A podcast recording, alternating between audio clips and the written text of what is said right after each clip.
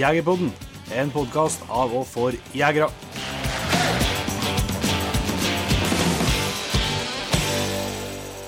Da har vi gleden av å ønske velkommen til en helt ny episode av Jegerpodden. Jon Inge Vik, så langt nord har du aldri vært før.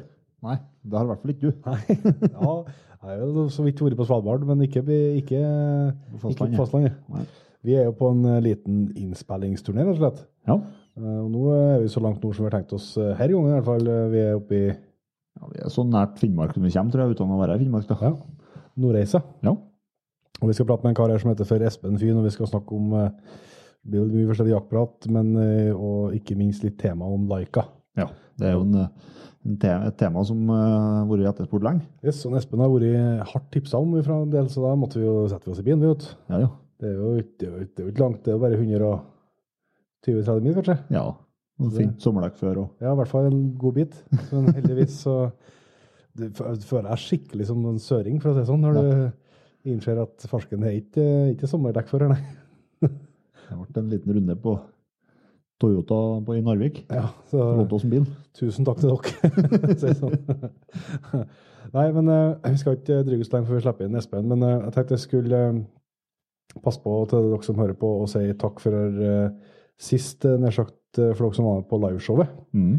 Uh, Jegerpodden live før fredagen ble jo en eh, kjempekveld eh, for vår del. Derfor håper jeg at de som så på, syntes det var greit òg. Ja, det kommet en bra porsjon med gode tilbakemeldinger. Ja, kjempebra. Så det var utrolig artig å få runde av eh, prosjektet, ta med deg inn på eh, en eh, verdig måte, vil jeg si. Mm. Det ble, eh, og ikke minst siste episoden, da, når eh, Magnus klinker til med hjortebukk litt skikkelig. Ja. Det var, det ble litt, litt sånn eh, Det var kjempeartig å, få- å få dele VM på liveshow, og så litt sånn rart òg. At vi nå plutselig er ferdig med å skal gi ut episoder. Yes, det har vært, det er sånn Når du er inne i et sånt prosjekt, så bruker du jo ganske mye av Det er jo ikke så voldsom kapasitet i topplokket, da, men eh, den som, den som er der, blir nå brukt eh, i stor del til akkurat det. det. er Så artig, å- artig å komme i land med. Og så håper jeg jo at vi skal lage mer sånt eh, i framover òg. Mm. Og så, eh, etter vi starta på turen på mandagen, så eh, skjedde jo noe annet Utrolig. artig òg. Ja. Det, vi har jo drevet og tisa lenge en konkurranse, eller trekning rett og slett, blant patriens om vi skulle nå et hårete mål på 2500.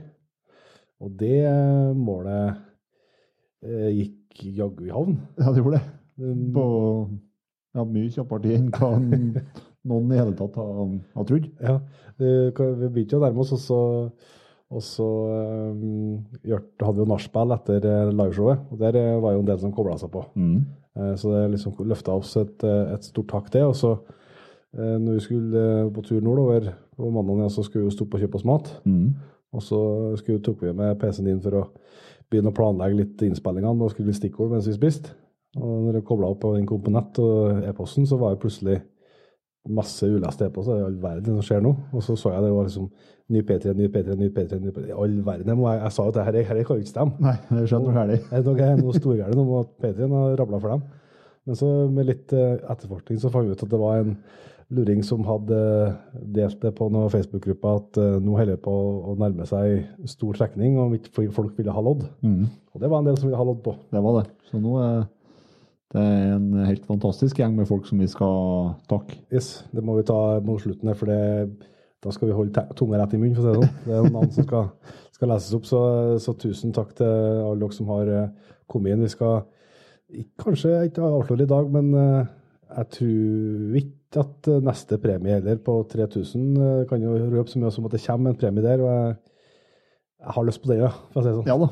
Det, Det blir heftig. det er bare å glede seg. Yes, det er det. Men uh, vi skal ikke drive her lenger nå. eh, vi må sette over til en Espen. Vi får med han inn i praten her nå. Yes. Espen Fyn, hjertelig velkommen til Jegerpodden. God dag, god dag, ja. Hvordan kjennes det å være den som har trukket uh, to uh, halvfeite trøndere lengst nord eh, i livet deres? Nei, det er jo artig. Det, det er jo interessant å se hva slags folk som finner på å komme så langt nord for, at, for å treffe en tulling her oppe. Så nå er jeg spent hva dere har å, å fortelle. Ja, det er forhåpentligvis du som skal fortelle mest. da. Du kan få begynne med det, Espen, med å si litt, eh, litt om deg sjøl. Hvem du er noen?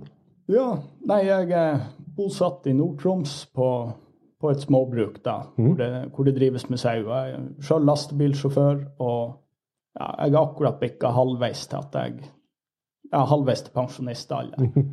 så, så jeg er nå litt over 30. Ja. Og fritida brukes mye på hund. Mm. Og det, ja, vi jakter nå litt, og mye på tur, og trimmer og surrer hjemme. Og, og det, det er nå stort sett det dagene går i, og fiske litt. Og, Være ute. ja, vi er, vi er glad i å være ute, jeg og hundene. Mm. Hvordan, eh, hvordan var liksom jakta kom i gang for deg? Nei, det er jo helt fra jeg var, fra jeg var liten unge, så han pappa jo holdt på med jakt. Så, ja, så lenge jeg kan huske, og før den tida holdt han òg på med jakt. Så, så når jeg var liten, så var jeg litt med på rypejakt, og ble litt eldre. Og så var jeg med på elgjakt, og fant jo det der spennende interessant, og mye trivelige folk. Mm. Men så var det, var det en del opphold den videregående tida med moped og ja, tobeinte ryper og sånne her eh, ting som er litt artig den tida. Men, eh, men så gikk nå det over, og ja, begynnelsen av 20-årene så eh, spurte gamlingen om ja, om jeg ikke kunne tenke meg å være med på elgjakt. Og ja, ja, ja det, det var nå greit, det, da. Så vi, vi ordna nå at jeg fikk være med litt på jakt, og syntes jo det var kjempespennende. Og det var liksom starten på jakta. Så har det bare balla på seg mer og mer og mer. Mm. Og det har jo resultert i annet noen, hunder som vi skal snakke mer om. Hva, hva er det hvordan ser jakta ut? Hva jakter du, hva jakter du nå? Nei, jaktsesongen begynner jo på sommeren når vi får begynne å, å, å lokke på rev. Mm. Nå, nå er det jo ikke lenger så mye rev her, men det blir nå en og annen tur å, å lokke. Det er noe spennende. Så, så er det noe å gå og gnage og vente på den elgjakta, for det er nå julaften og vel så det. Ja. Og ja, kjøre igjen elgjakta, og kanskje blir det, blir det en tur etter rype. Og, men det, det blir lite av det. Og så litt åtejakt på, på rev på vinteren, og litt gaupejakt når vi, når vi har muligheten til det. Mm. Og en og annen tur har jeg klart å lure meg til Finland da, i, på høsten da, for å jakte bjørn. Mm. Jeg tror vi må få høre mer om de eh, bjørnturene til Finland eh, etter hvert. Men eh, eh, hva har du Det er liksom elgjakta som er, som er hovedfokuset, da. Ja, det, det er jo det vi har fin tilgjengelighet på her. Ja. Så det er naturlig at det, det liksom blir det store. Mm. Nå har vi jo sittet eh, allerede sittet noen timer i lag og prata. Vi, Espen, og har blitt litt kjent med noe greier. Men eh, vi har ikke sett noe våpen i huset ennå. Nei. Vi må jo høre hva du, hva du jakter med når du er ute. og Ja, jeg tenkte jeg skulle ikke vise. Jeg regna med dere ble sur da. Den, eh, nei, jeg har nok hatt blazer i tre forskjellige kaliber, og var jo fornøyd med den. Det var flott børse, og det smalt i rett ende og alt. Men, men eh, nei, jeg måtte krype til korset, så det ble en uh, Saco 85 Black Bear i 3006. Ja. ja, det er fint.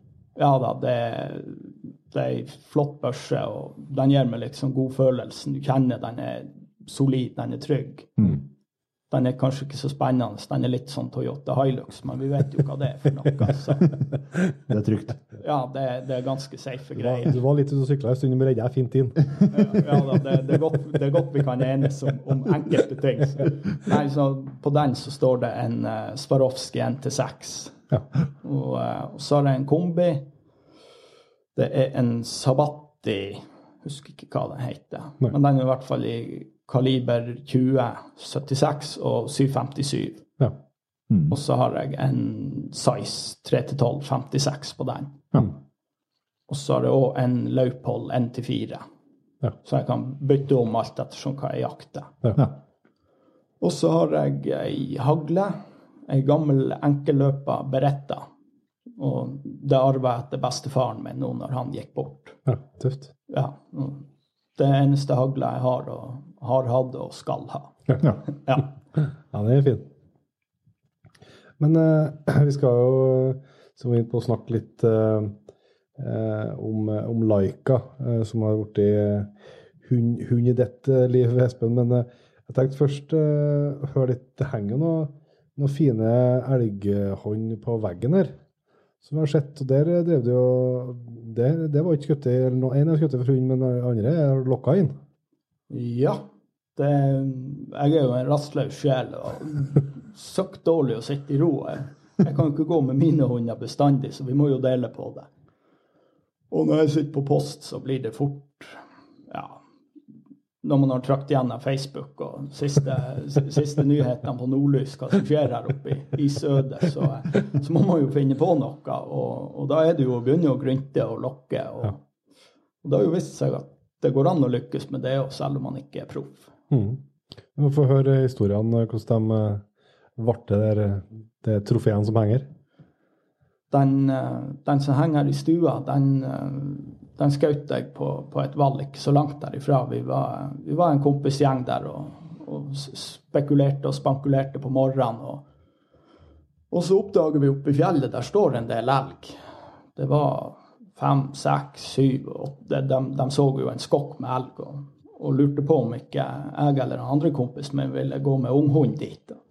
Nei, sier faken å gå, gå og slippe unghund i sauskokken. Det, det, det, det, var så mye elg. Det, var jo som det var en sauskokk. Så, eh, så, så, en annen kar, han, han hadde en, en, eh, en, voksen, godt erfaren hund. Så han valgte å gå dit. og eh, så sto jeg nå i tre minutter og venta han skulle gå dit. Fant ut nei, faken ta, det her er kjedelige greier. Så sier jeg til de andre at jeg går, går må være en kilometer lenger ned dalen, så jeg går under fjellfoten der og setter meg. Og tusler dit og setter meg og sitter nå og kikker på fuglene og ingenting. Og jeg hører på, på jaktradioen, de ser ja, jeg tror det ble 13-14 elger til slutt, de telte. Jeg så ikke en dritt. Og da begynner man å kjede seg som vanlig. Og så begynner jeg å, å lokke. Jeg har kanskje sittet ti minutter, så hører jeg bak meg at der svarer han. Og så hører jeg det knase i is, og skjønner jo at denne karen han er nært. Og jeg fikk jo så puls at jeg, er glad jeg ikke så ham med en gang, for jeg ikke hatt sjanse å skyte. Jeg hadde jo Parkinson ganger åtte der. Og, og så blir det stille, og nei, jeg hører han ikke mer. Og jeg prøver på nytt og grønt, og nei. Og faken, tenkte nå har han tatt meg på lukta og for av gårde. Men så springer jeg fram. Jeg satt opp på en sånn høvelig paller, men, men, jeg så ikke helt under den. Så Nei. springer jeg fram på den bakkekanten, da, og, og, da ser jeg den oksen tusle ifra meg på en ja, 80-90-100 meter. Så hiver jeg meg på kne, og så klinker jeg. Og da går han bare noen skritt, og så, så bikker han over ende. Ja. Og det var jo stormende jubel, for det var, det var en flott okse. og ja, det, det var artig. Mm. Ja, det er jo kjempe, kjempeflott gevir. Ja, det er fin kron, og så grov i rosenkransen og greier òg. Ja da, det, det er et kjempefint gevir, men det var ikke noe voldsomt slaktevekt. Det var, han var en atlet, han var vel en 230 kilo. Men, Litt sånn som deg? Ja, ja da, var, han var bygd for å springe. om, om, det, om, det, var etter mat eller annet, det vet jeg ikke. Men, nei, så kompisen kom fram da, og vi var kjempefornøyde. Han var hellig overbevist at de var 300 kilo. De var altså så store at det, ja, han var helt vill. Jeg ble noe villere av han, men nei, da, vi, vi roa oss nå til slutt. Så. Men uh, sånn som vi hører nå, sånn som du, jo, du begynte å jakte elg og greier når du var uh, passert 20 og ble ivrig jeger og greier. Men det var noe hundegreier òg. Men hvordan var det du havna liksom på, på det her Laika? At det var Laika som liksom skulle være rasen? Nei, jeg er jo oppvokst med jevnt. Ja. Gamlingen har jo holdt på med det og vært dommer og styrt. Jeg vet ikke, han har hatt jevnt i 20-25 år. Men eh, ja, det er jo Elgjakt er artig, men man vil jo mer. Og begynte å kikke litt at det hadde vært artig med en hund som var litt mer allsidig, som kanskje kan jakte gaupe, våte drømmer, skyte fugl i los. Mm så, sånne ting. Og da balla det liksom på oss. Og så begynte jeg å kikke litt på Laika.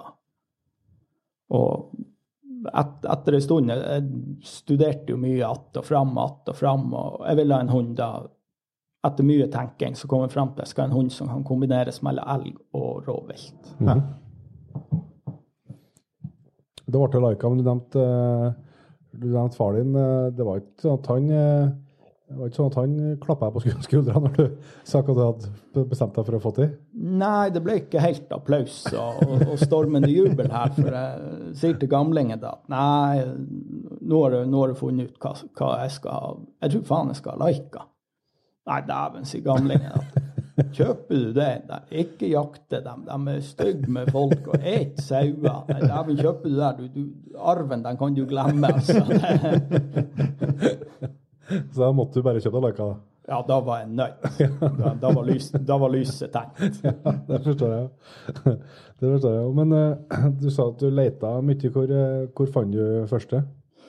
Nei, jeg så jo først i, i Norge og Sverige, og til slutt så måtte jeg måtte jeg til Finland.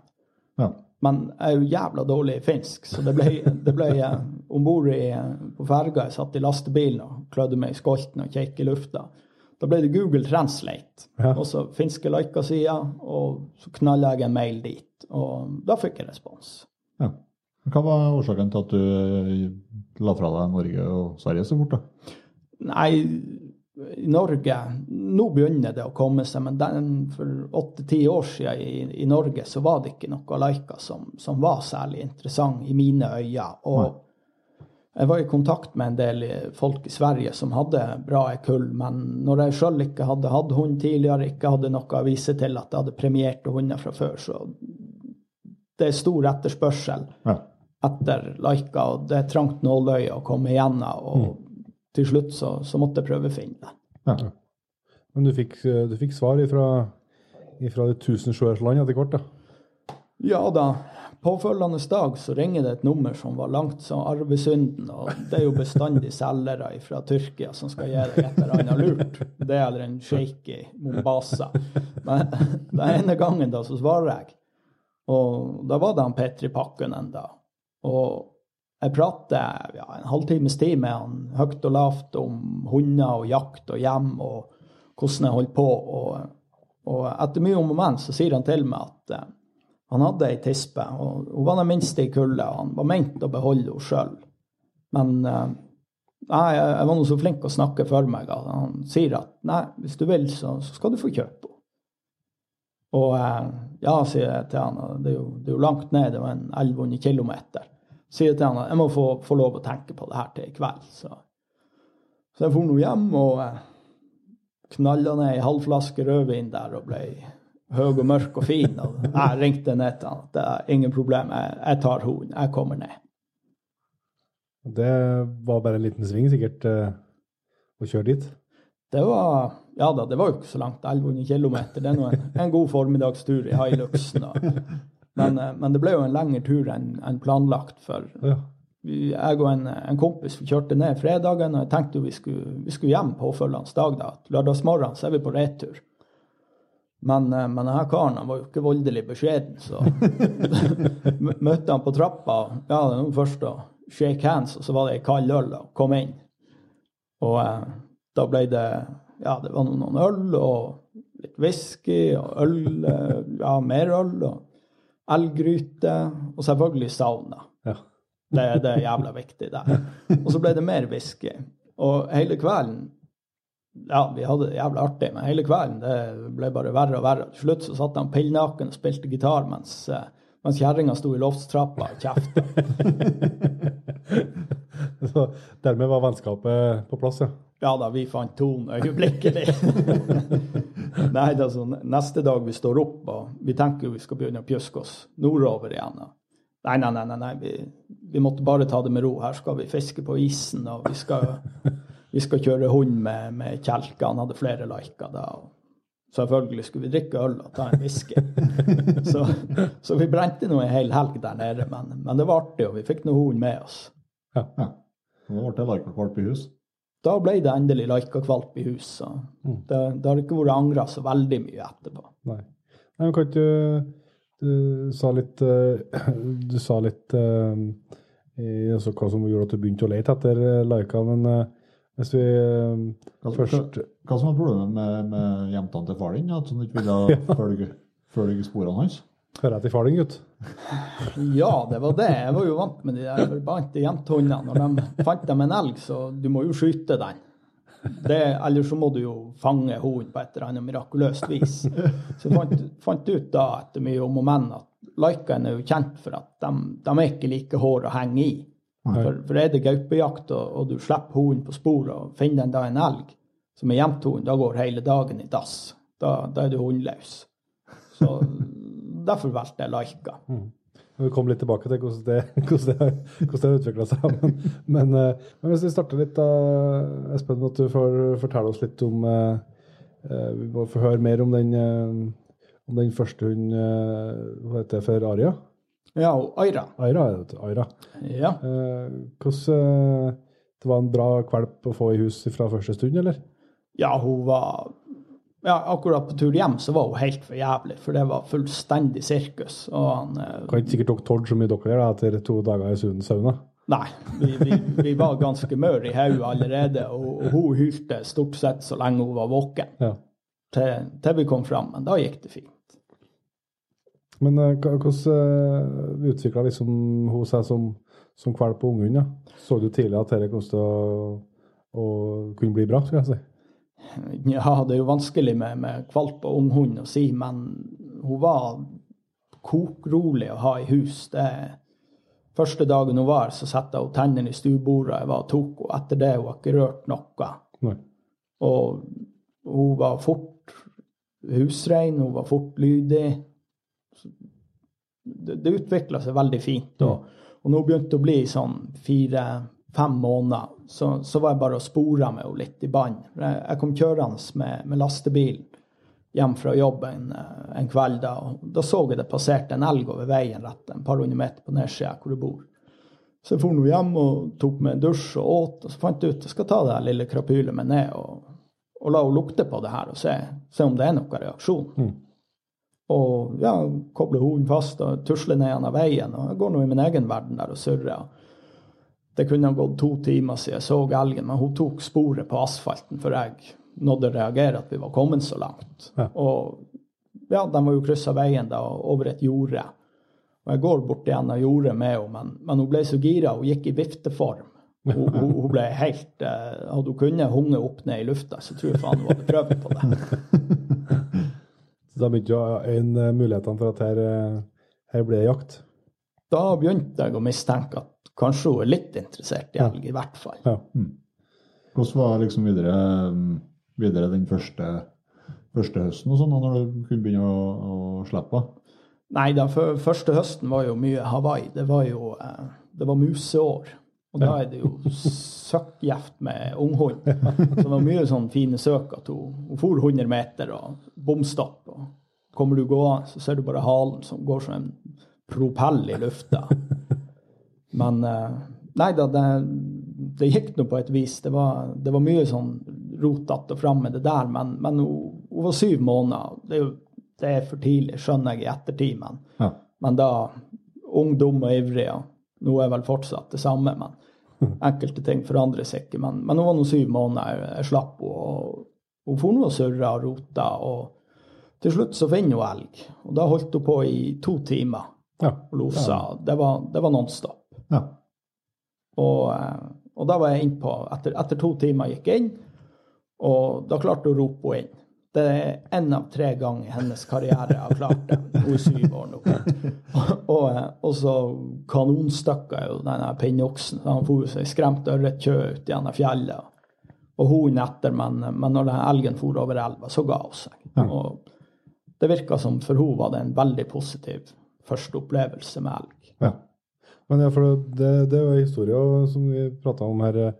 Var, var det da litt redd for vann? Ja, hun, eh, hun var særs skeptisk til vann. for Hun var bare kvalpen jeg var, var gikk tur med ei uh, lita elv.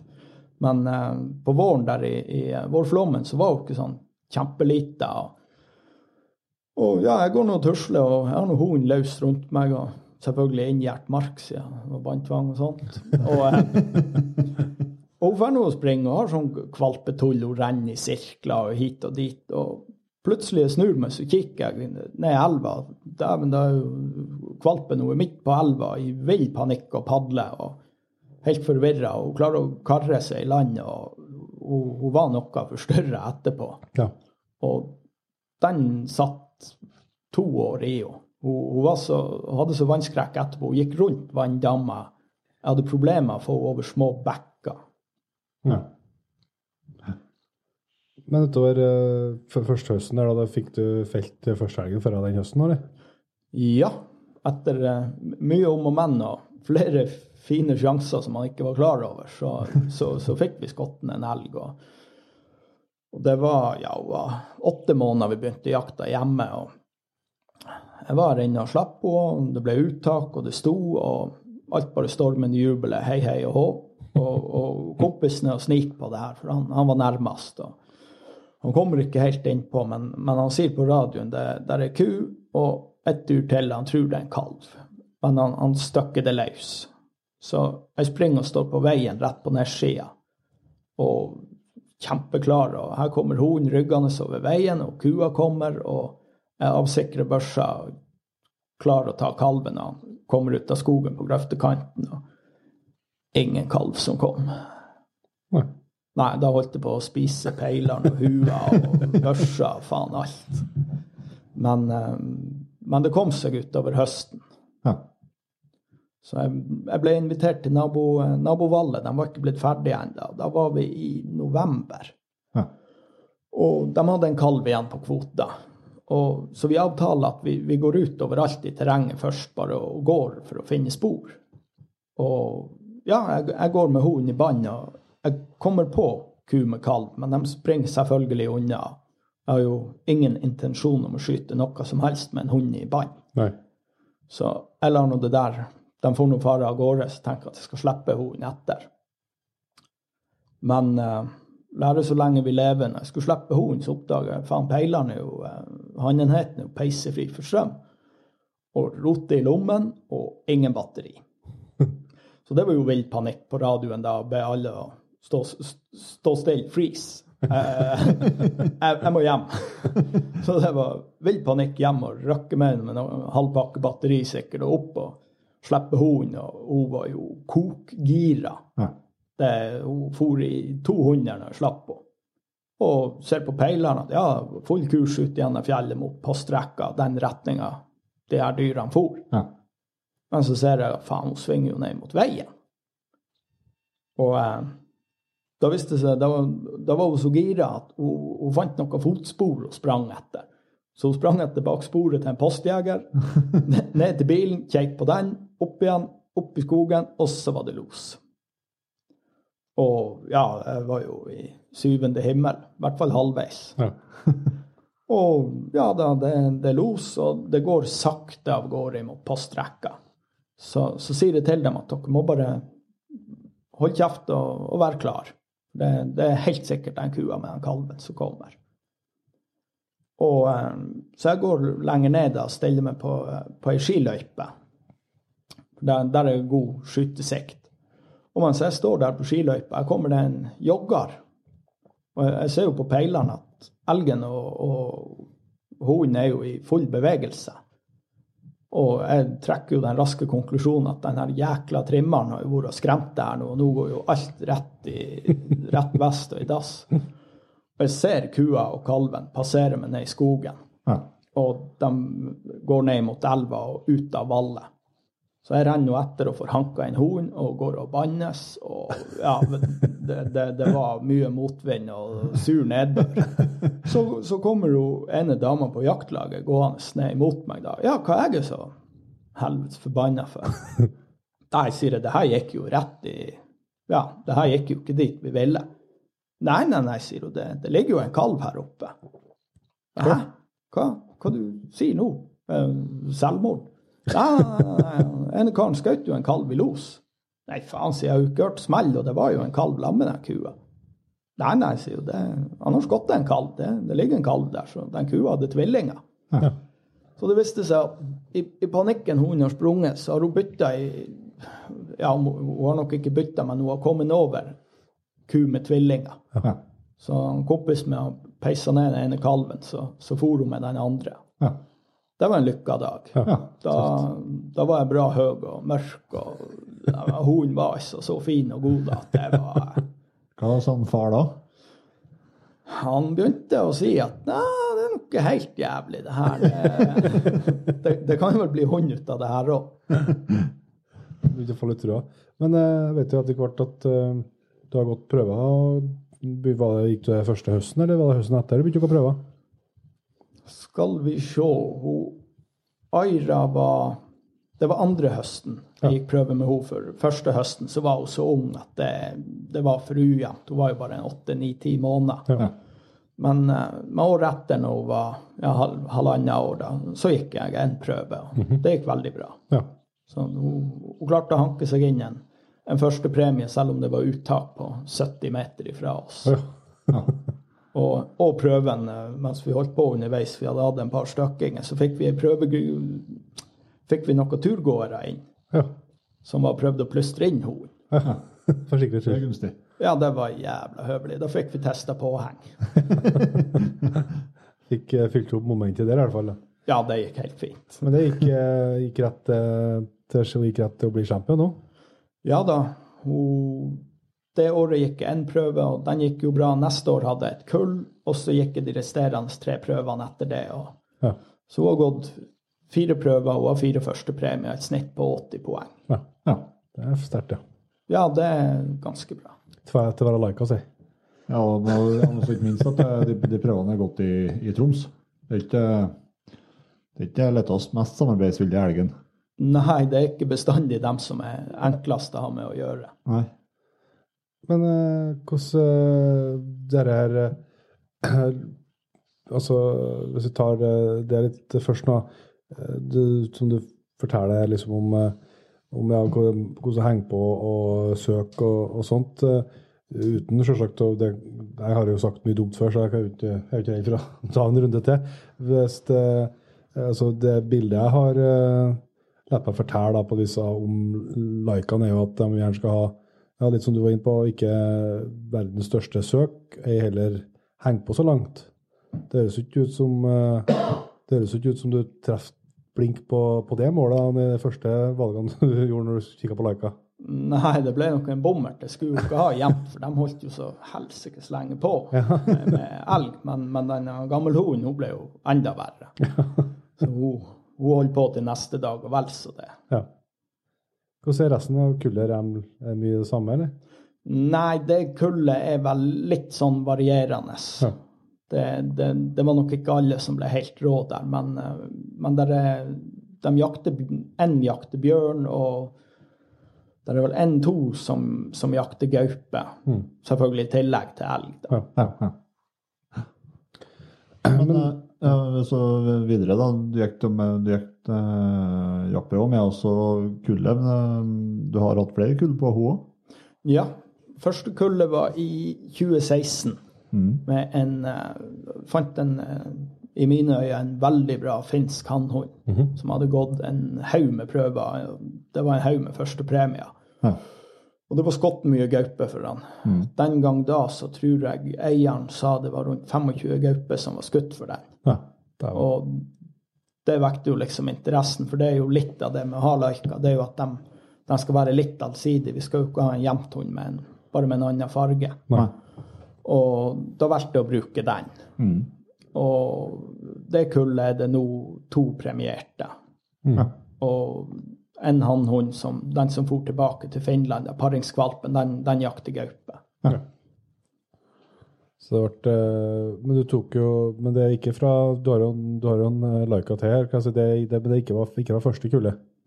Nei, den er fra andre kullet i s- 2018. Ja. Og da, da valgte jeg å bruke en svensk hannhund som er jaktsjampion på elg og utstillingssjampion, og der er vel skutt eh, rundt ti bjørner og en god del gaupe for den. Og, og den har ikke de råeste jaktprøvene på elg, men den kommer fra et kull med, med fin kullverdi, og når den var så bra på, på rovvilt, så måtte jeg jo nesten bruke den. Ja.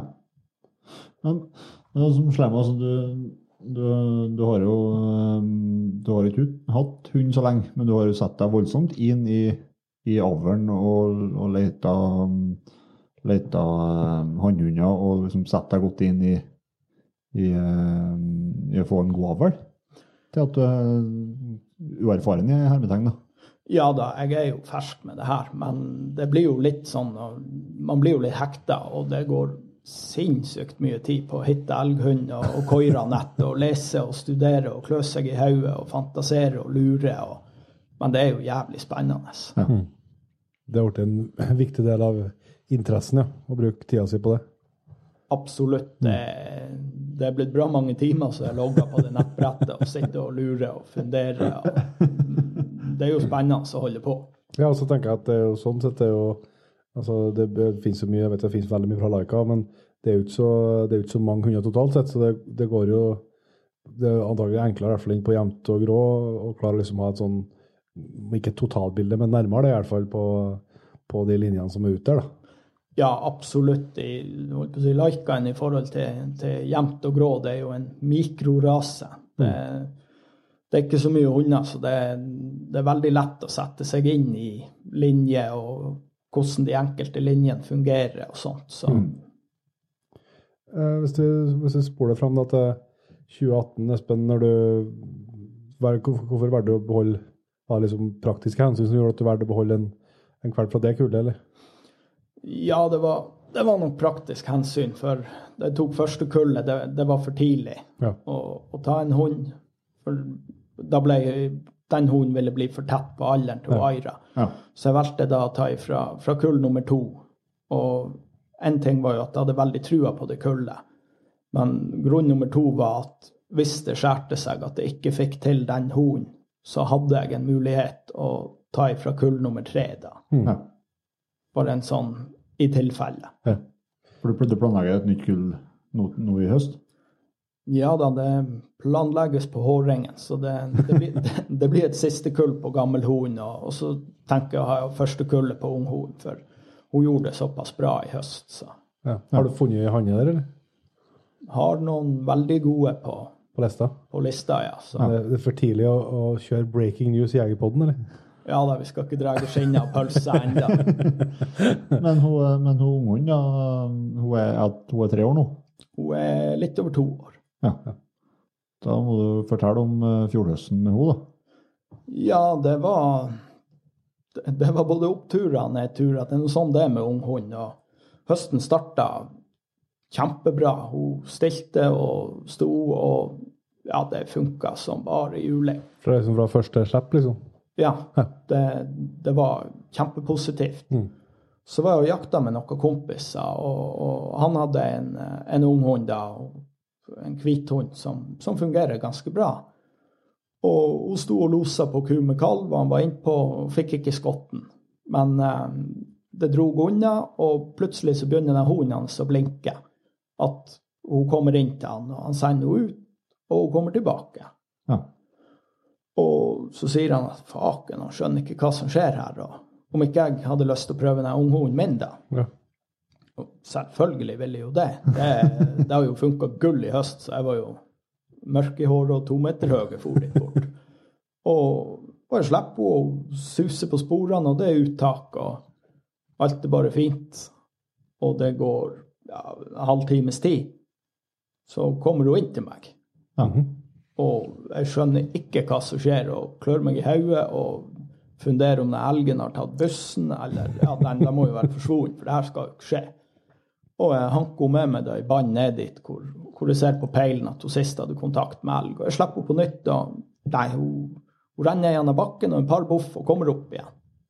Og da avbryter jeg seansen, for da skjønner jeg jo at her er noe rart. Ja. Og jeg er jo glad at hun var, var ett og et halvt år da, og at det ikke var høsten før. Det ikke var sju måneder. Ja, for der lærte jeg nok ganske mye med det her, at man skal være litt forsiktig med, med alderen på hunden når man, når man slipper, for det kan nok være fort å ødelegge. Og jeg tror sånn som det der, hvis hun hadde vært syv-åtte måneder, så tror jeg det kunne ha gått dårlig. For det, om det var kua eller kalven, men en av dem har vært søkksur og, og drevet og jaga på de unge hundene. Og, Ja, ja. og når de først så med, med hvithund hvilken teknikk de bruker for å kvitte seg med det her udyret, Ja. så var de raske å bruke den på nytt. Ja, sant. Det rek- rekna ut, det, ja. Ja. Mm. Men jeg skjønner jo at dere fikk eh, Men det ble det liksom, merka du deg på, på neste Slapp han liksom òg, at du ble litt skremt, eller? Ja, jeg var en annen plass og jakta etterpå, og slapp på og dura inn i et plantefelt, og det var uttak, og for 200 meter, og snudde. Og kompisen min skjøt en kalv da, som kom beinende forbi. Men, eh, men hunden kom tilbake til meg, og jeg skjønte ikke en dritt. Og sur og forbanna, og går bort i skogen. Jeg finner jo sporene at ja, det er elg. Jeg håpa jo det var tiur eller oms og kav og hadde funnet bærplukker eller noe. Og, og nei, da hun hun kom tilbake, da, da var hun ferdig den dagen. Ja. Men, eh, men det kom seg seinere på høsten. Så vi, vi, var, vi var på et ettersøk, og, og det ble skutt en kalv i, i Stålos for henne. Og Ja. da var liksom alle onde minner borte. Det var Etter det så har alt funka bare fint. Ja. Ja, det vært full tenning. Ja, ja da, da, da var hun tilbake til der hun var før hun traff det her kua med den kalven. Så. Ja. Fått den sjøltilliten som var nødvendig. Ja, og det viser jo Mange sier jo det her med man skal være søkk forsiktig og, og slippe unge hunder. og Jeg lærte det jo da, og jeg var jo så heldig at det gikk bra. Mm. Ja. Sant? Men du, begynte, du gikk noen prøver med henne òg, da? Ja, vi, eh, vi starta på noen prøver, så jeg, jeg fant ut at eh, jeg skal nå i hvert fall gå én prøve med henne i år. Ja. Og vi klarte å hanke oss en første premie. Og det ble jo blod på tann da, så da måtte jeg prøve videre. Og vi, vi starta på fire, først, fire prøver, og det ble fire første premie. ja. Ja, det er imponerende, altså. Så du har altså, du har altså start, gått fire, fire prøver med, med førstevalgene, og så har du gått fire prøver med dattera til den første larkene. Og alt har gått til første. Ja. Det, Det er jo en fin CV å snakke om, ja. ja, jeg vil jo påstå det er helt greit for en sånn ekornhund å, å få til noe sånt. Det, Stille dommere i Troms antallet? ja da, det må jo være noe sånt. Vi, vi er gode å legge konjakk i bilene på morgenen. Jeg er litt forsiktig, nordlendingen. Ja, litt, litt roligere nå. Men det er jo, må jo være en sånn ekstra glede i, i liksom, altså, at det er fra på eget oppsett eh, nummer to. Det må liksom sette en ekstra spiss på, på opplevelsen av det, eller? Ja, det er jo jækla artig når det er noe man liksom sjøl har planlagt fra begynnelsen. K- Hvordan det her skal være og hvordan det her skal bli. Da er det jævlig artig å få det til, og spesielt med en sånn her rase, for veldig mange man prater med, er jo ikke veldig positive. og Det er liksom nei, dårlig påheng og dårlige søk, og nei da, det, det er liksom sorgen. Men eh, det er jo artig da å vise at det, det er ikke alt som er bare elendig. Men det er jo litt, det er litt interessant eh, når jeg, Espen, når jeg, vi har diskutert det der tidligere, i- dag liksom her med, med mm, altså de egenskapene som Laikan, som Laikan skal ha. Eh, og, og opp imot prøvereglene som er, som er per nå, som, som på et vis da kanskje ikke er helt tilpassa til, til de egenskapene som larkene opprinnelig skal ha. Um, hva tenker du liksom med Eh, er du, er, det er jo feil å spørre om du er fornøyd med, med, med dem som de er, for det, det, er jo åpenbart så skjønner jeg at du er det. Men, eh, men var det liksom det du Det var jo ikke opprinnelig det du tenkte når du, når du først, først kjøpte Laika? Nei, tanken var jo en allsidig hund Ja. som skal kunne brukes til ja, egentlig det meste den finner. Er det orrfugl, er det tiur, Mm. er det en rev, skyt. Er det gaupe, skyt. Mm. Og det er jo sånne prøver vi ikke får gått her. Man, man kan jo gå fuglprøve i Sverige og Finland. Ja. Så muligheten å premiere dem på, på de artene er jo der. ja.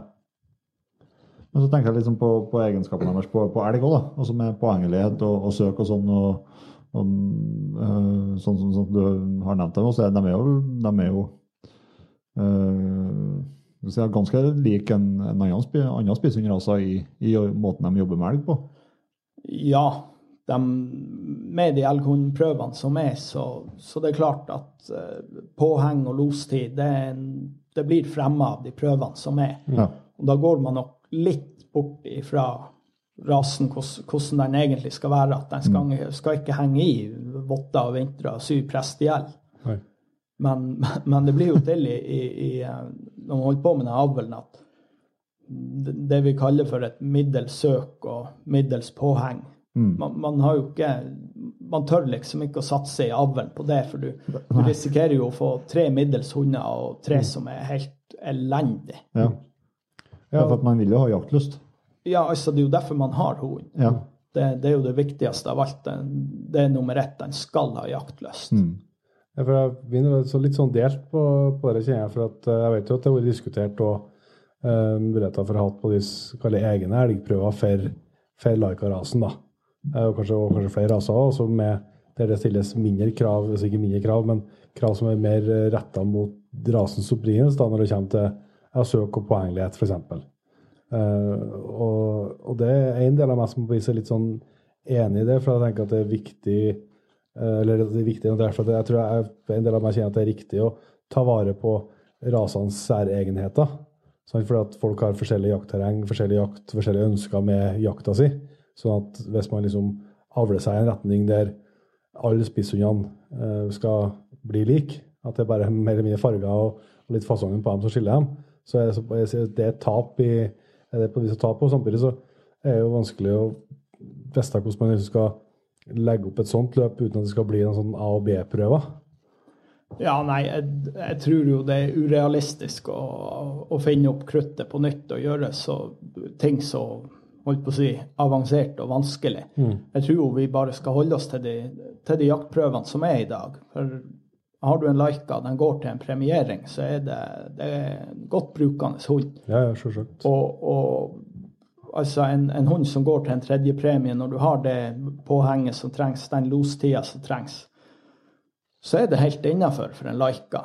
Men, men jeg tenker jo igjen, skal vi skalere det ned til at vi skal ha en egen prøve for rasen? Det, det blir vanskelig, det blir tungvint, og da blir vi i en sånn B-liga. Da, da blir vi alene og holder på. Det blir en sånn gutteklubb-en-greie, og det tror jeg ikke har noe for seg.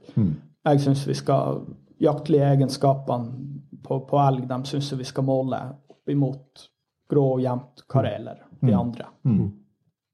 Ja, ja det, er, det, det er ikke altså, altså Og så er det klart altså i Norge Det er, altså, det er jo sikkert det er Rovvilt er jo en åpenbar en, men, men, eh, men på fugl er jo det er jo, det er jo noen som, som bruker sikkert likene sine på fugl og, og på mår, og det er mye du kan potensielt bruke dem på, men det er klart det er vanskelig hvis eh, du, du har ikke stort nok, stor nok rase og stor nok til at du kan ha egne linjer for mår og egne linjer for, eh, for elg og en annen linje for fugl. Det blir liksom vanskelig, vanskelig det òg i en såpass liten rase. da.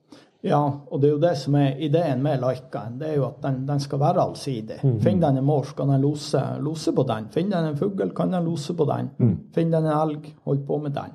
Så, Jeg skjønner jo det på, litt på deg òg, du snakker om det hannhundene du har funnet, at det er litt viktig for deg at du finner noen som har nettopp den allsidige, som i hvert fall har jager ikke bare elg, men som har litt allsidighet i seg i hvert fall, da, og har bevist det.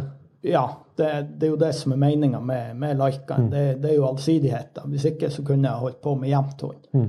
Og derfor ser jeg jo når jeg ser, kikker etter hannhunder til de tispene mine, så ser jeg etter hunder som har linje, hvor det er brukt på rovvilt, og at, helst at de sjøl funker, og gjerne har søsken òg, som funker på bjørn, gaupe. Ja, det er interessant å, interessant å høre om, men hva som, eh, hva som gjorde at du, eller for meg som er, ikke kan eh, nevneverdig om Laika, da, hva, vi har jo både, vi har jo flere Laika-typer, det mest kjente her er jo øst- og, og vestsibirsk. Hva er det som gjorde at du gikk for østsibirsk? Nei da, det, det er nok det at den blir vel sett på som den som er storvilthund ut av de to rasene. Ja.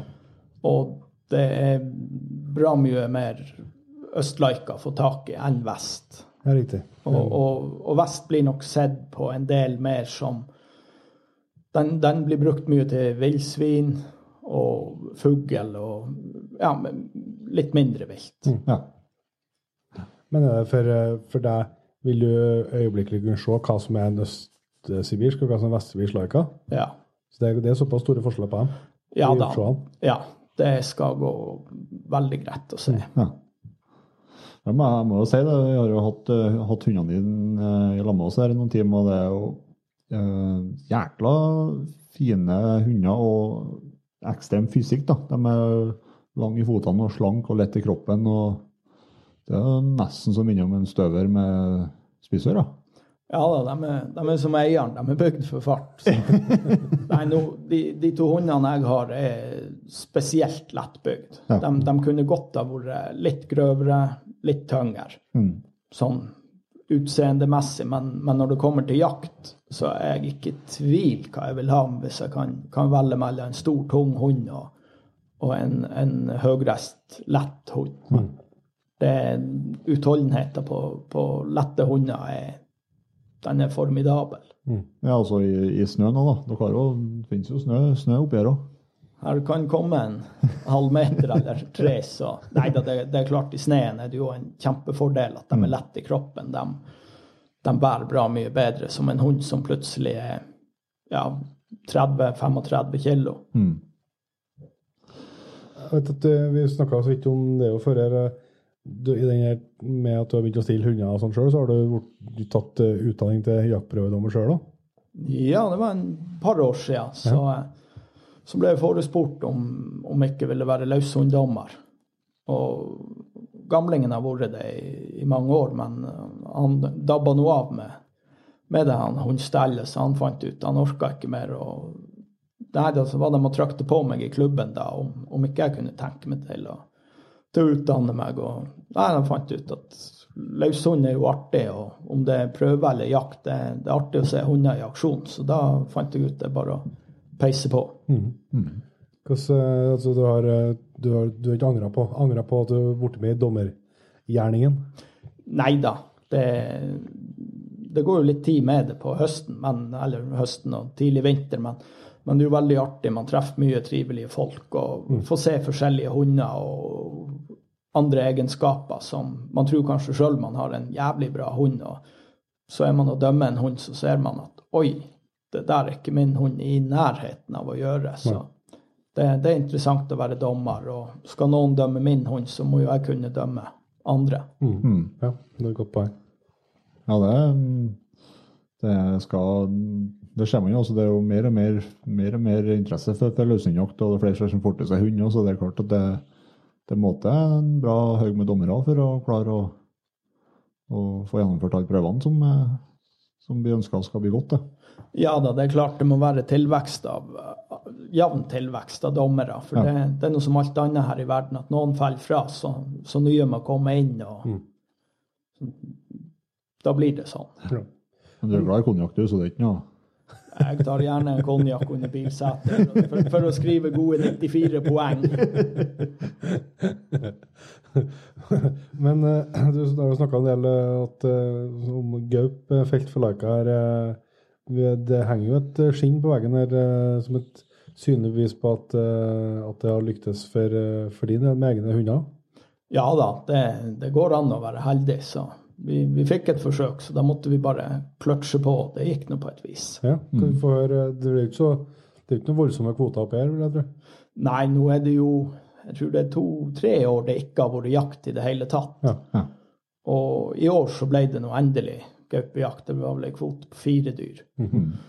Så vi var en fire-fem kompiser som bestemte oss i lag for at nei, i, i år må vi nå faken ta og gjøre noe. Så vi, når jakta begynte, så vi drev og spora sånn jevnlig. Men det har jo Ja, det er konstant nedbør. Det snedde det ikke, så regna det. Og fant vi et spor, så gikk det ut av terrengene. Så det, det var tungtrødd. i starten. Ja, det, det, det var det, det var ikke mye action, for å si det forsiktig. Nei. Men uh, balla på seg her i, tidlig på mars. Det var faktisk en dag det var oppholdsvær. Av alle Ja, det går an her òg. Så, eh, så tråkla jeg meg opp gjennom dalen i, eh, i bilen, og, og ser et gaupespor som krysser veien da. og Det er jo selvfølgelig bråstopp, eller så bråstopp som du får på piggfrie dekk. Og ut og, og gå og kikke på det sporet, og det var kommet så mye snø at jeg klarte ikke å se retninga på det. Nei.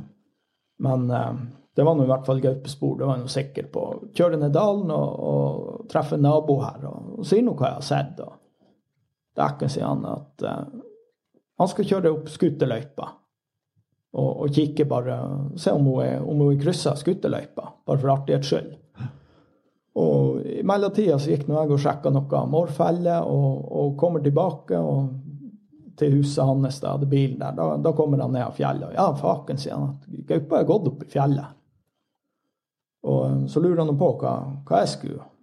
Nei, det var, det var jo ski-VM. Jeg skulle faen egentlig hjem og se på fem, på det fem Nei, det var stafett den dagen. Det, det, er, jo, litt- det er jo en høydere. Ja, ja, ja. ja. Da, men eh, sier han at nei, vi, vi skulle nå ha kjørt opp på fjellet og sett om hun er gått ut av terrenget. Midt i, i dalen her så går det et skar fra dalbunnen helt opp på fjellet, og der må du ha helikopter for å fare over. Så vi fant ut at vi, vi kjører opp skuterløypa, så tar jeg trugen med, og så går jeg fra skuterløypa til kanten av det skaret, så ser vi om hun er foren oppe på fjellet. For nede på fjellet, si, under skaret der, nede i dalbunnen, der hadde jeg nylig vært da jeg sjekka de mårfælene. Nei, da jeg var nå sprang på de her trugene og svetta der oppe. og Nei, det var, det var ikke gaupespor. Vel, da, da var det sjanse for at det lå, lå nede i sida der, da. Da begynte vi å øyne håp at det her kan jo faken meg bli show. Ja. Så da var det jo rett på telefon og kontakte den kameratgjengen. og det var jo unger og kjerringer og hunder og katter og gud vet hva som ikke skulle passes og ikke passes. Og, så det var jo panikk å begynne å ringe folk. da, Så vi fikk noe skrapt med gamlingen og, og, og noen kompiser. Så vi var fem mann. Ja. Og vi satte dem nå ut som poster, sånn det vi anså som, som lurt. da. Det, vi bruker det skaret mye i elgjakta, så elgen må, man må enten gå nede eller oppe. Ja. Så det, det er sånn 100% safe poster. Vi setter noen folk der, og der vi fant ut ellers at tja, vi prøver. Og så begynner jeg å gå ned i dalbunnen på sporet med hunden. Og det var kommet noe jævlig med snø de siste dagene. Og jeg gikk på trugen, jeg holdt faen på å svime av. Og, og, og det kattskinnet hadde, hadde bare gått rett opp fjellet. Og hun var gått parallelt med skuterløypa, 40 meter ifra den. Ja. Så jeg kunne egentlig ha spart meg for en time gåing der, da en kilometer opp gjennom fjellsida, hvis jeg bare hadde sett sides fra, fra løypa. Nei da, vi, vi kommer opp i fjellet, og, hunden drar foran meg. Og, men det var jo problemet å komme seg fram. Det var så mye snø at hun, hun bakser og bakser. Og Ja, da hadde, du henne løs, eller? ja, da var hun løs. Ja. Så det, det var Hun, nest... hun viste interesse for sporet. Ja, ja, ja. Det var, det var ikke tvil i hva hun ville. Og jeg kom opp gjennom fjellet, og ja, da for hun en 300-400 meter ifra meg. Var hun helt oppe på Snaufjellet. Så vinkler hun ut dalen plutselig. Ja. Og så ser jeg på, på peilene at det blir fart på ting. Så jeg, jeg skyndte meg opp dit, da, og der hun var, var vinkla av og gått ut dalen, så, så var det 100 meter, kanskje, så var det liggeplass av gaupa. Ja. Der hun lå i dagleie. Så jeg sier til postene at nå tror jeg gaupa er, er på føttene, så nå skal vi bare holde kjeften igjen og være klar. Ja. Og nei, hunden drar av gårde, og det går ut gjennom fjellet, helt opp i skogbåndet. Og da er jeg jo sikker på at den, den går i, på den posten som står øverst i skaret. Ja. Så jeg sto bare og venta på det her nydelige smellet at nå, nå Nei, faen, stillheten runga. og eh, ja, det, det gikk nå en stund der, og hunden for nå og krista bort igjen. Og, og så går den ned i skogen og helt fram til skarkanten. Og så er det litt stopp der, og jeg klør meg i hodet og skjegget jeg ikke har, og tenker ei faen, det, det, gaupa kan ikke ha gått ned der, da må hun jo ha fallskjerm hvis hun for ned dit. Men så ser jeg igjen hunden, da drar hun ned langs skarkanten og rett ned fjellet. Så jeg springer nå på de der trugen bort igjen og, og følger på sporet ned. Og, og når jeg finner sporet med skaret, så gaupa har gått rundt en stor stein. Og så har hun fortsatt ned fjellet, så hunden gikk sporrett. Ja. Hun gikk rundt steinen etter gaupesporet og videre ned. Ja. Og så vinkler hun av og inn dalen og mot, mot området der hun holdt på å si kom inn. Ja. Al altså bak sporet. Så hun regna vel med der var det trygt og rolig. Ingen hunder, svette mannfolk som går og bannes. Men han, posten som sto der inne, han hadde ikke peiler. Så han var så nysgjerrig at til slutt så begynte han å kakle i radioen. Hva som skjer? Hvor de er? Ja. Sier det til han. Og, og, vær stille, vær stille. Nå tror jeg faen meg det her smeller. Ja. Og idet jeg sier det, så trekker jeg, trekker jeg GPS-en opp av lomma. Dæven, jeg ser at den har jo snudd på hælen. Så hun gaupa peiler nok fint ut der, og, og da er hun på tur rett imot meg. Ja. Så jeg eh, legger pent fram med stavene og, og fisker kombien ut av sekken, og jeg hører jo hunden. Der er en par boff og, og litt sånn piping, for det var så mye snø at hun, hun fikk nok ikke ordentlig kontakt og trykk på gaupa. Og, og det går noen minutter, så ser jeg gaupa kommer tuslende over en, en sånn veistikkeskog. Det, det er en liten rygg med sånn kjempetett skog. og Ser hun kommer gående ut av den, og, og setter meg ned på kne og, og venter å få henne klar. Og det var ikke lange holdet, 50 meter kanskje, men hun var så opptatt av den hunden som kom balsende bak, at Ja. hun visste aldri jeg var der. Så jeg, jeg slapp henne på nedsida av meg, og så skjøt jeg henne. Da var det en jøgereier og en jøgerhund og jøgersauebonde. og Ja, da var du antallet to og en halv meter høy og mørk og Ja, jeg skulle hatt stige der. Jeg, jeg, jeg nådde ikke høyt nok. Nei, det, det var en vanvittig artig opplevelse. Og Ja. så få mann å få til det der, det, det var bra. Og, og at hun var så iherdig Ja. under de jævlige forholdene, det, det er imponerende. Det er artig. Det var altså, ung hund? Ja, det var, det var ung hund. Ja, så tenker jeg med, med den, med den eh, målretta over nå, i og med at du liksom har, har para mm, to ganger, da, har, har para den uh, gammeltispa med, med hannhunder som har hatt så stor, så stor eh, rovviltinteresse. Ja, det, det var jo virkelig mandelen i grøten. Det var jo sjøl å få se at vi har jo lykkes med det her man har holdt på med, at Ja. det er rovviltinteresse. Og her oppe det er ikke bare å, bare å skyte gaupe for, for spisshund med de snømengdene som er. Så, så klarer klare å få det til, det var kjempestas. Ja. Klart det. Men hva, hva var det som gjorde at du tok med unghund ut av hundegården og ikke gammelhund? Gammelhund er så inne i granskauen i Herde. Hvis hun finner en elg, så må hun faen ha scooter og få hanka henne inn. Ja, ja. Og så er det noe sånn at hun er noe ekstra redd for, for det er jo liksom Det er babyen i huset her. Så, så Nei da, jeg fant ut må prøve unghund. Det, det er hun som er framtida. Og hun har nok en del mer eh, rovviltinteresse i seg enn mora har. ja. Men da har du jo gaupehund i mange år framover, da. Jeg håper det. Ja. Det er bare å hoppe på kvota. Det satser vi steintungt på at vi, vi, er på, vi er på tur neste vinter igjen. Ja, veldig bra. Du, vi må litt uh, tilbake til eh, om ikke starten, men eh, du sa jo du brukte lang tid, og at det var ikke så enkelt å, å få tak i uh, valp når du var uh, ukyssa, mer eller mindre. Hva, hva, hva, hva var det du så etter da, liksom helt i starten, når du begynte å sette deg inn her? Hva var det du, hva var du lette etter da? Det kan jo at det var noe annet enn det du ser etter nå, eller? Det Er samme? Nei, da, da, da var jeg så uerfaren og grønn på det her at eh, det, det, var, det var innprinta med Det var liken. Ikke er det påhengelighet, ikke er det lostid. Men, men oppveksten du har hatt, så skjønner jeg at det har vært Ja, det, det var en tøff oppvekst med, med tanke på at man skulle bli en lika-mann etterpå. Det, nei da, det, det var jo det her med at det, det var liksom, det var ikke lostid, ikke påhengelighet. Så var, de første hundene jeg satt og kjekk på, på så på prøvene og sånt, det, det var kun de to momentene. Det, noe annet brydde jeg meg ikke om. Nei. Vil at det skal være på plass. Ja, det, her oppe så nytter det ikke med, med 500 meter påheng og en time los. Det blir ikke så mye trøkk ut av. Nei. Og da var det først i, først i Finland du kom. Du fant de, fant de resultatene du ville ha, eller? Nei, det var, det var i Sverige òg mye bra.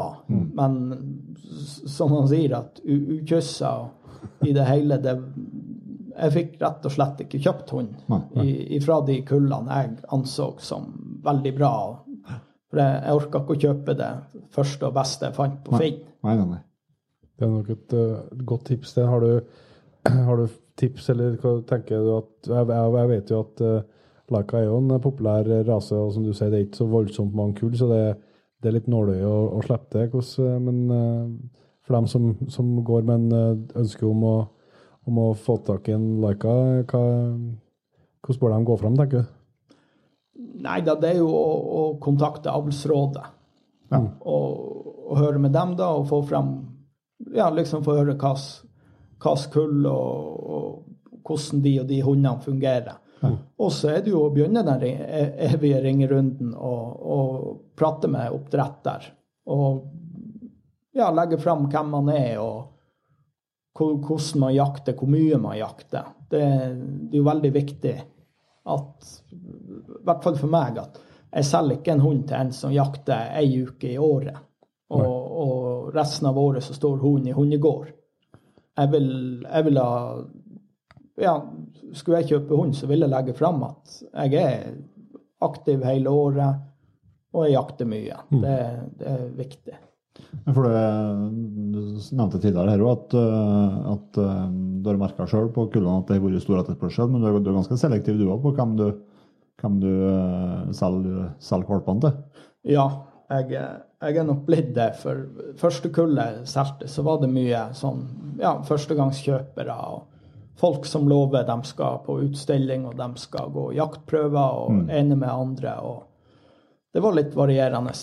Noen har vært flinke, andre har ikke gjort noe som helst. Nei. Og det er jo jækla kjedelig for, for min del, for at, at hundene går på utstilling og på jaktprøve om det ikke er verdens beste hund, så at de går en jaktprøve, for da, det vil jo komme fram da om, om mora avler bra, om, om, om det arbeidet jeg gjorde, var det rett, var det galt. Mm. Det er et viktig, viktig element sånn, ja.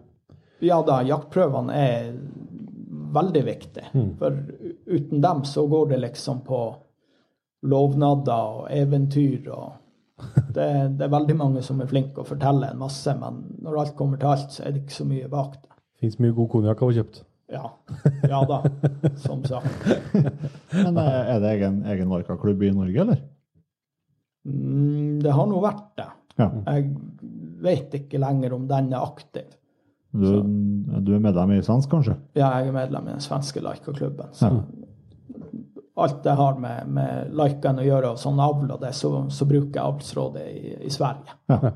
Men jeg har brukt eh, finske avlsrådet også. ja. Men, men nå så ser jeg jo en del sjøl, og det, internett er en fin ting. Så det, det man ikke finner der, det fins ikke. Det du stødig i finsk, da. Ja da. Det, det blir finsk kurs neste år. Ja, Du, du var nevnt finsk her. Du sa at du har vært over og jakta bjørn i Finland òg? Ja, jeg har jo vært så heldig å, å få lure meg med dit. For gammel hund hentet jeg nede i Kåpio. Det er vel på ja, du ser på kartet, så er det på linje med Bartebyen. Og han har jo veldig god kontakt med. Og han igjen henta den tispa fra Kosamo. Det blir jo i, i Nord-Finland, da, helt på, på russegrensa. Så har det blitt invitert dit. Det er der det er bestandig styggalt sånn eh, en av første helg i desember når det er verdenscup. Ja, stemmer det. Verdenscupen starter i Rukka. Ja. Der havner vi på pub den ene jaktturen. Har det vært noe, har det vært noe bra, bra jakt der, eller har du vært med der? Ja da, det er blitt skottebjørn to ganger. Ja. Jeg har ikke sjøl skotte, men, men det har vært hundearbeid, og det har vært skotte i stålos. Ja. Så du har fått, du har fått kjent det på kroppen? Ja, Ja. det gir mer smak. Ja, men du må ta den ene der, det var ganske heftig når det, det var noe byt, bytting. Ja, det var første andre året var der nede, så, så drar vi ut i tretida på natta og begynner å spane de her grusveiene og finne spor. Og, eh, og vi finner spor av bjørn som er kryssa. Så lysninga på morgenen så, så poster vi rundt, og ene lokale knallesen han eh, auser av gårde en, en, en eh, jevnthundtispe på, på morgenen. Og det går ikke så lang tid, så, så er det uttak. Men, men det står ikke. Det, er bare av gårde. Alle tenker jo selvfølgelig dæven, nå faen meg bjørn på føttene. Og eh, eneste svensken som er der, han er jo 140 år, tror jeg. Det ser sånn ut. Men, men han, han kom i hvert fall på, på radioen, og så sier han at, at det, det kuta en Var det en pinnokse, tror jeg, som fløy forbi med hunden i hælene. Ja. Nei, faen, tenkte jo alle mann det. at det, det, var det. Og han Joni som eide hunden, han ser jo på peilene hvor det bærer, og, og det blir stående. Så finner han ja, han må nå kjøre bort og prøve å hanke inn denne hunden som drev og dunk, dunka på der. og prøvde å gjøre den stakkars elgen hørselsskada. Så han tråkler seg bort dit, og, og heldig var han som, som fant ut han skulle røkke børsa med seg. Og hunden sto eh, i ei bakkeside rett opp for et stort jorde. Og, og han snublet seg nå over det jordet, og, og 50-60 meter og kikker opp i sida. Faen, der står jo hunden og loser på bjørn. Ja. Og han gir på med 45-70 igjen, så den bjørnen blir jo gjettedød, som han sa svensken. og, eh, og det ble bare stormende jubel og hei hå. Nei, den hunden bytta ifra fra fra elg til bjørn. Ja. Etter det så fikk ikke han lov å bruke den hunden mer på, eh, mer på eh, elgjakt. Nei, det skjønner jeg. Ja, det, det er skottebjørn for henne etterpå òg. Ja. Tøft. Bra at det ble litt hjemtunnskrutt på mot slutten her, så at vi så vi ikke, vi ikke ble bare å kjør her. Ja da, være, være snill med dere, så man, så man ikke sovner med ei pute over hodet. Du, vi skal begynne å gå inn litt for landing etter hvert, eh, Espen. Men eh, jeg vet jo du har hørt noen eh, episoder av Jegerpodden før, og du, så du vet jo at det, det, vi har jo en eh, fast tradisjon mot slutten. Og da er det først noen, eh, først noen faste spørsmål. Og eh, dem kan jo ikke eh, vi lett være å stille når vi er kjørt helt hit. Da må vi, få, må vi ha svar på dem. Og det første der, det er hva som er ditt eh, beste jakttips. Jak jakttips. Ja, nå blir det jo ofte nevnt utstyr og dykkedaria til tusenvis av kroner. Jeg er jo flink å bruke de pengene, jeg òg. Men, men eh, et jakttips som er jævla enkelt, og det koster ingenting annet som tid og energi, og være i bedre form enn i fjor. Ja, til jaktstart. Ja, når, når jakta begynner, så er målet å være i bedre form enn jaktstart i fjor. Ja. Det, jakta blir jævla mye artigere når, når du kan knalle opp fjellsida uten å holde på å svime av. Og, og, og, og man, man skyter nok litt mer vilt om man er i stand til å trykke på og kanskje nå, nå seg opp i fjellet og sperre av det, det dyret som er på tur, om det er en rev eller en elg eller en hjort eller Hva det skulle være. hva det skulle være. Og, og ja, du kommer deg opp i fjellet og kan sette det på post uten at ullgenseren er blitt syv kilo på tur opp igjen. Jeg føler meg truffet. Men du fikk kjenne ganske hardt på kroppen du òg, når du liksom bestemte deg for at her er bare å komme seg i form? Ja, det, det er jo derfor jeg tar det fram. For når jeg begynte å jakte, så jeg var som ungdom så var jeg jo aktiv og holdt på med langrenn og fotball og ene med det andre. Men så var det jo en seks, syv, åtte år på moped og i trailer med ja, grisebajonett med rekesalat og gode greier. Og det er jo ikke så fremmende for, for, for eh, kropp og sjel. Så, så første jakta, så jeg og gamlingen, han, han var med som mentor. Vi, vi bytta på, på å gå med børsa. Vi var inne på en loser oppe i fjellet og støkka det, og det kulta av gårde. Og vi måtte ned fjellet og inn dalen, og vi begynte å gå opp igjen. Og da måtte jeg si til gamlingen nå, nå vinner faen ikke mer, du, du er nødt til å ta børsa. og da, da måtte jeg resignere. Altså. Da, da, det var nederlag. Etter det, da, da begynte det å bli noen Ja, det begynte forsiktig med at fem-ti turer til fjells før jakta. Bare det gjør jo underverk hvis man sitter mye i ro ellers. Ja. Ja, det er et, eh, det er et jeg, skal, jeg, jeg, jeg, til, tiltredes. Du tar det til etterretning? Yes, det er mottatt og forstått. og så durer vi jo alltid opp på eh, Du sa jo at eh, du òg var flink til å bruke kronene. Er det noe av uh, jaktutstyret ditt som du er ekstra glad i, som du har lyst til å tipse til andre om? Ja, hva i all verden skulle det være? Det må jo Jeg er jo ikke en sånn atomfan av uh, Gore-Tex. Ja, Gore-Tex-sko, det, det, da kan jeg heller gå i joggesko. For de blir våte. Så jeg, jeg er gått tilbake til den gammeldags at jeg, jeg går med Lundhag-sko. Ja. Og de er, jeg bruker noen, et par som heter Jaure Light. Og Som er ganske, liksom ganske lave, det. ja, de er sånn på høyde med den her bev, den heter, alfabever. Ja, Så det er sånn, ja, me- mellomhøg. Den er veldig lett, og smører man den godt og, og er rimelig nøye med det, så, så holder den stort sett en hel dag hvis man ikke går og vasser i myr. Ja. Og neste dag, når du drar dem på under shottene, så da er de tørre. Ja. Ja, for det er, det er rene lersko. Det er rene lærsko, så det, det er ikke masse fôr og mannskitt. Så dem er jeg blitt veldig glad i, og jeg går nok ikke bort ifra det. Nei, Så bra. det er bra. Da er det jo eh, jaktdrømmen da, Espen. Det er jo veldig enkelt. Hva det var, Støkk, støkkjakt på ærfugl, var ikke Ja, det, det der en gang? Det tenker jeg det må Nei, for min del, det må jo være, være å skyte bjørn i, i stålos for en spisshund. Ja. Det kan ikke se for meg noe som, som er så veldig mye råere.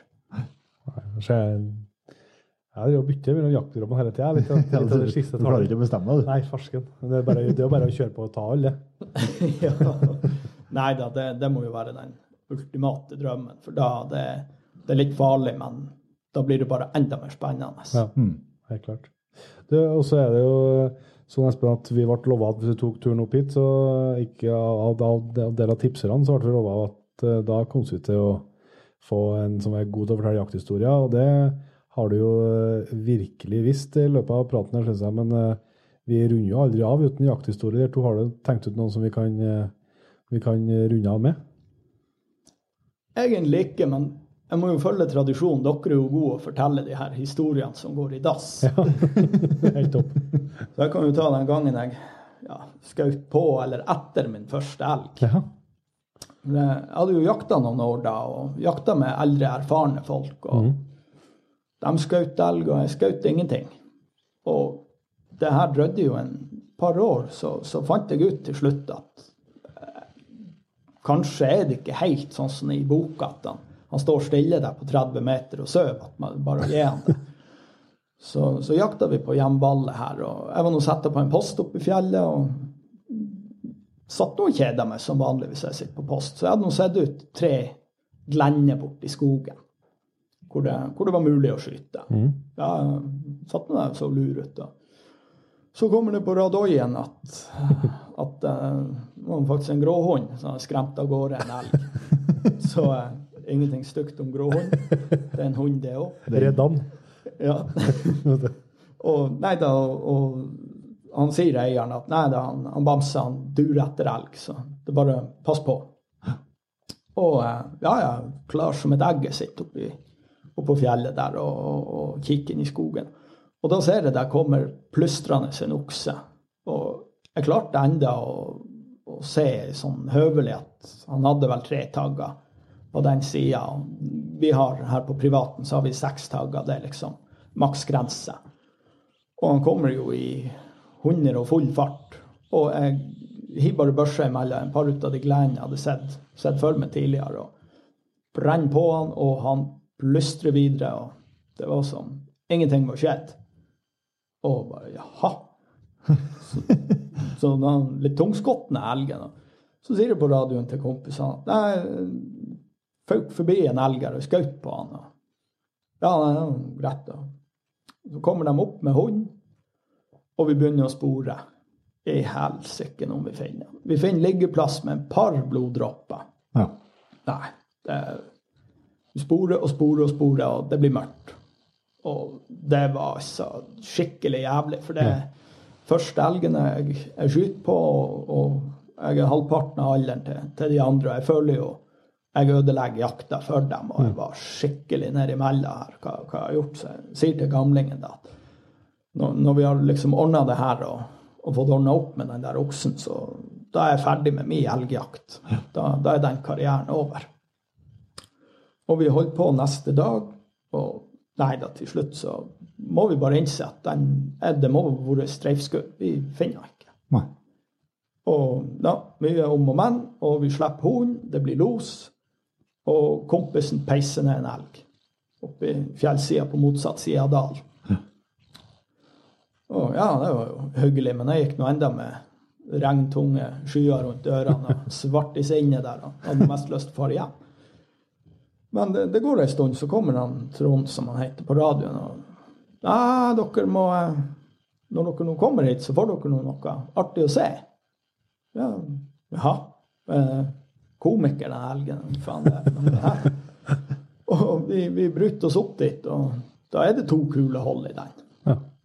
Og da viste det seg det, det skuddet jeg skjøt Jeg har truffet mellom ryggraden og lungene.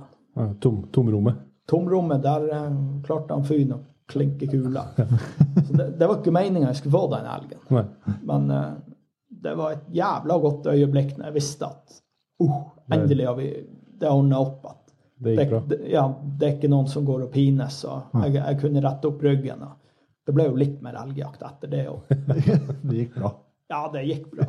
Det, Ja, men det er ganske sjelsettende. Jeg vet jo om flere som har hatt altså, eh, tilsvarende opplevelser på jakt da, altså, tidlig i karrieren, noen som har, har avslutta med det. ja, altså jeg tror det finnes mange eksempler på det, dessverre. Dessverre er det noe sånn, men, men det er jo sånn med jakt at det er så mye parametere, det er så mye ting som, som kan skje, at skit skjer. Det, det kan skje før, det kan skje siden. Men jakter man mye, så skjer det. Og noen er bare jævla uheldige at det skjer første gangen. Og det er klart, det er, jeg er glad nå etterpå at, at det gikk bra. For jeg kommer nå på jakt igjen. Husk på første helgen min, det var fire skudd og bare ett treff. det. Ja. Det, man, Så jeg skulle ha slutta da. Ja, det har vært enklere, det, sjølsagt. jeg tror vi skal runde av her og si tusen takk, eh, Espen, for at du tok imot oss, og en fantastisk trivelig prat med deg. Sjøl takk, det var trivelig å ha dere her. Nå lukter jeg så godt, eh, godt i stua her, for at eh, hva er vi skal, det, kan kanskje, det er kanskje ikke overraskende hva vi skal hete, men du kan jo fortelle det. Ja, nei, det er kokte pølse. nei da, det blir vel elgbuljong i dag òg. Ja. Her, den, den koker vi. og tilbehør, det er brødskive. Her er ikke noe frukt og potet og greier og greier. ja, det høres helt midt i blinken ut. Ja, nå går, nå går vi og et. Så gjør det. Tusen takk, Espen. Det var altså Espen Fynne, Fynn, en fantastisk eh, både jeger og ikke minst historieforteller. vil jeg si. Ja, det, det lønner seg å kjøre nordover landet. Ja, det virker sånn. Bare en hard vinterdekk, som jeg sier. og så skal vi eh, begynne å runde av, vi òg. Og som du nevnte eh, helt innledningsvis i episoden, Inge, så runda vi ei magisk grense. Selvsagt ikke nødvendigvis et stort steg for menneskeheten, men et enormt sprang for Jegerpodden, som jeg kaller det, og nådd målet. Et hårrått mål på 2500 patrients. Det runda vi med god hjelp eh, av mange av dem som, dem som hører på nå.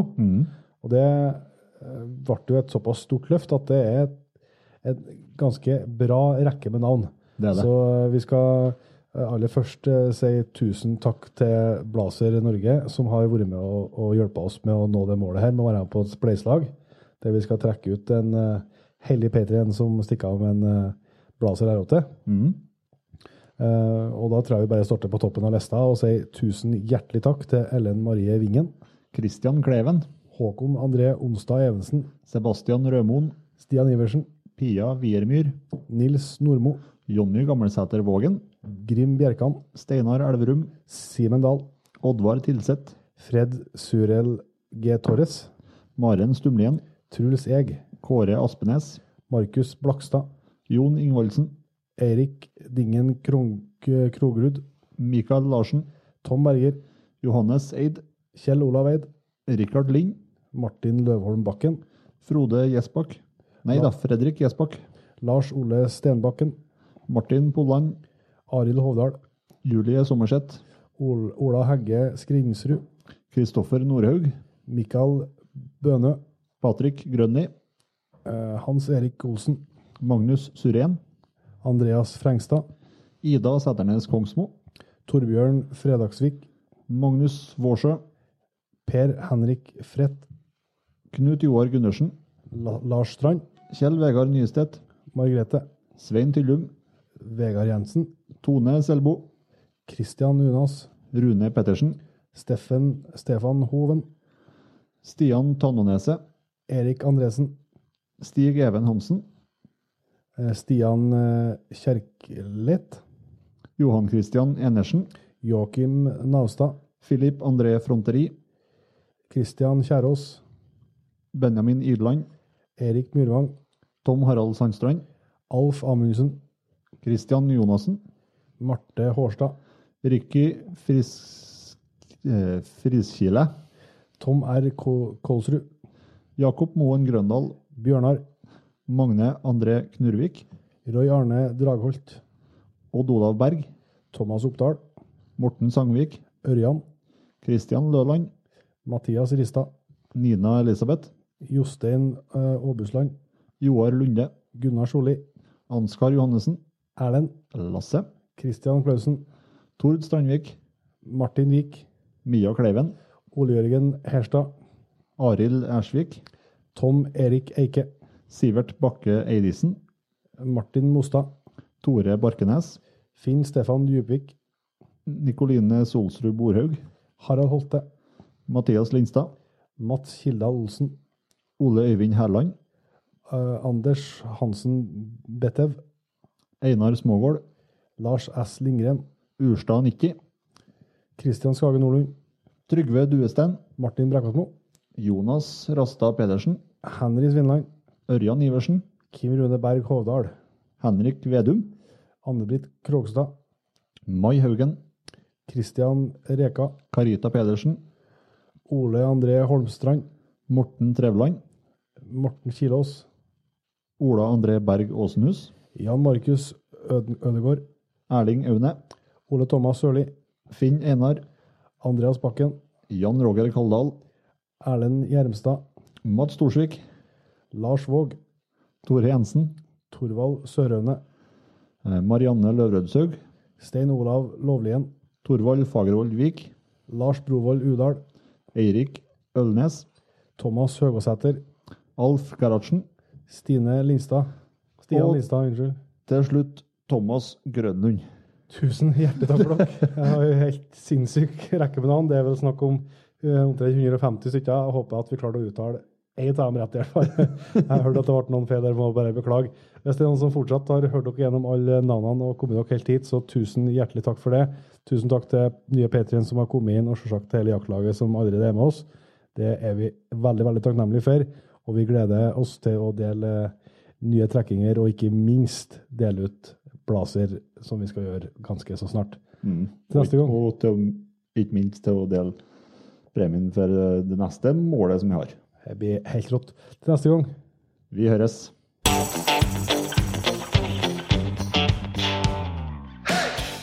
Tusen hjertelig takk for at du valgte å bruke litt av tida di på Jegerpodden.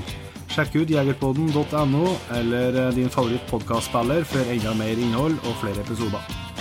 Følg også Jegerpodden på Facebook og Instagram, og ikke minst, husk å fortelle alle gode venner, familie og tilfeldige forbipasserende om Jegerpodden, sånn at vi får spredd det glade budskap videre. Vi høres.